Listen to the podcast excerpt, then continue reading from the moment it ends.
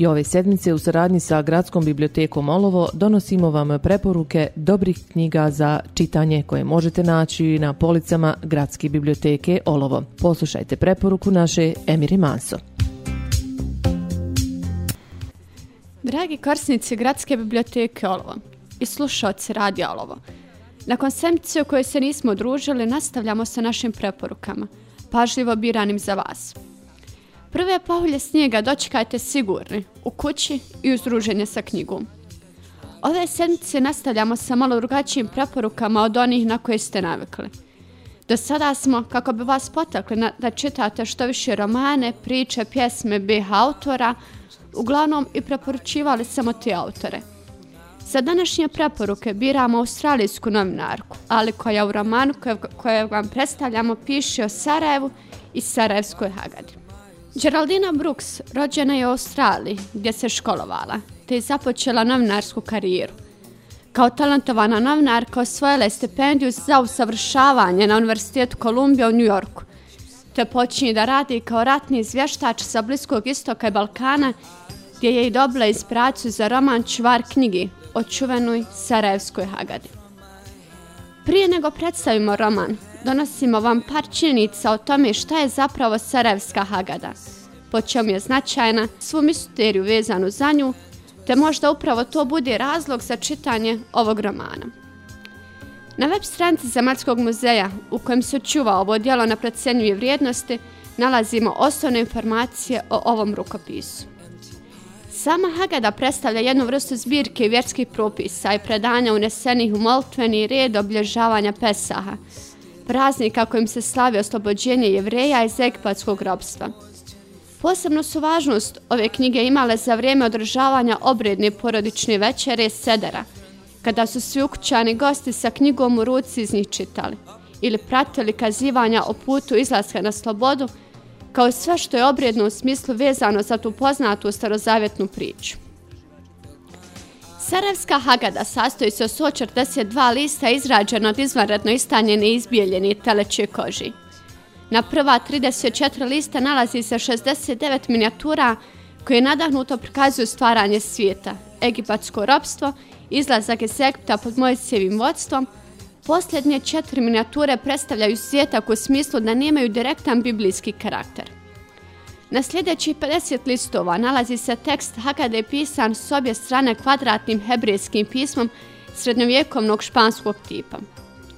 Posljednju cijelinu knjige čini nakladno neseni pjesničko-obredni dodatak, koji sadrži po nekoliko pjesama najslavnijih pjesnika hebrejske književnosti iz njenog takozvanog zlatnog doba. Kada i pod kojim okolnostima dospjeva u posnu nije poznato.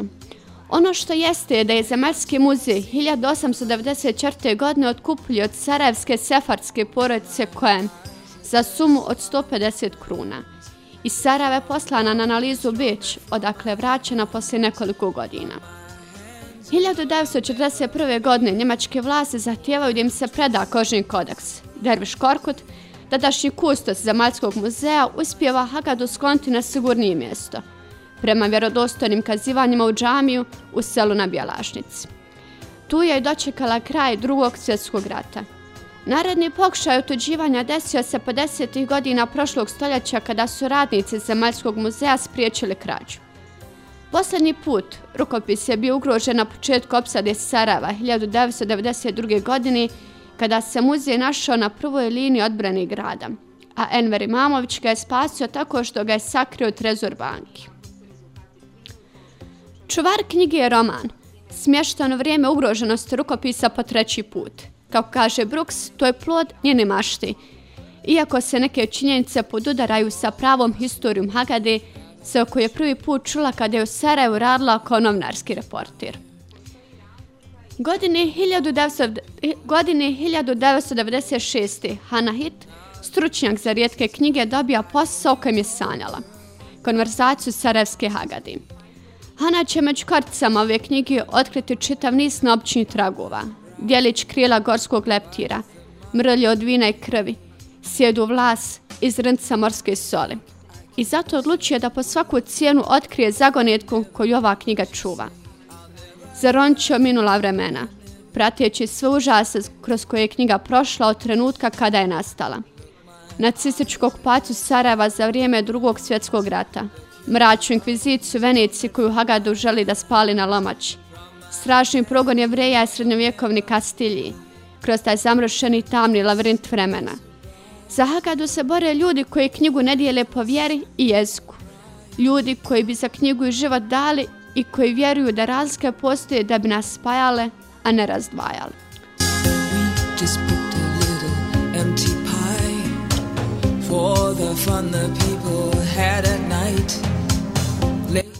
Jagoda Iličić, autorica ovo sedmični preporuka knjiga za djecu. Pričala nam teta knjigolina. Rođena je u Brezama kod Tuzli 1982. godini. U Tuzli je završila studij razredne nastave na Filozofskom fakultetu. Jagoda je spisateljica koja piše za velike i za mali. Dobnica mnogobrojnih književnih nagrada. U Tuzli je pokrenula dječji književni klub Knjigolina i prijatelj.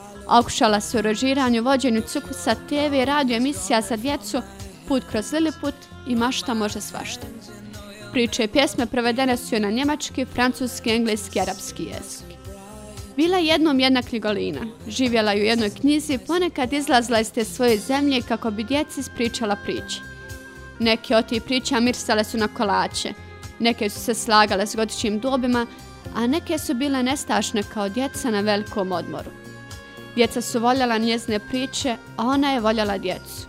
I tako su živjeli sretni, čitali i pričali priče do kraja ove knjige. Lidija Palović-Grkić kaže kako je autorica svojim spisateljskim darom obogatila male i velike zgode školske djeci, uspješno spojuše svoja dva profesionalna svijeta i velike ljubavi, književni angažman i posao profesorci razredni nastavi. Kroz svakodnevne školske obaveze, igre, druženja, prijateljstva i brojne druge sastavnice odrastanja, školovanja, Jagoda nas nadahnuje biserima djetinjstva i mašti, prateći najmlađe umjetnički marom i učiteljskim iskustvom. Priče su pogodne sa čitanju čuncama, kaže Sanja Tomć, jer sadrže pedagošku dimenziju koja može poslužiti kao uvod u obrade školskih tema. Zbirka je podijeljena u tri ciklusa. Prvi ciklus posvećen je prvačićima, drugi ekološkim datumima, a treći ciklus sadrži bajke koje pripadaju super čitačima. Priča kroz sva tri ciklusa prati ilustracije koje će knjigu činiti još zanimljivijom malim čitavcima. good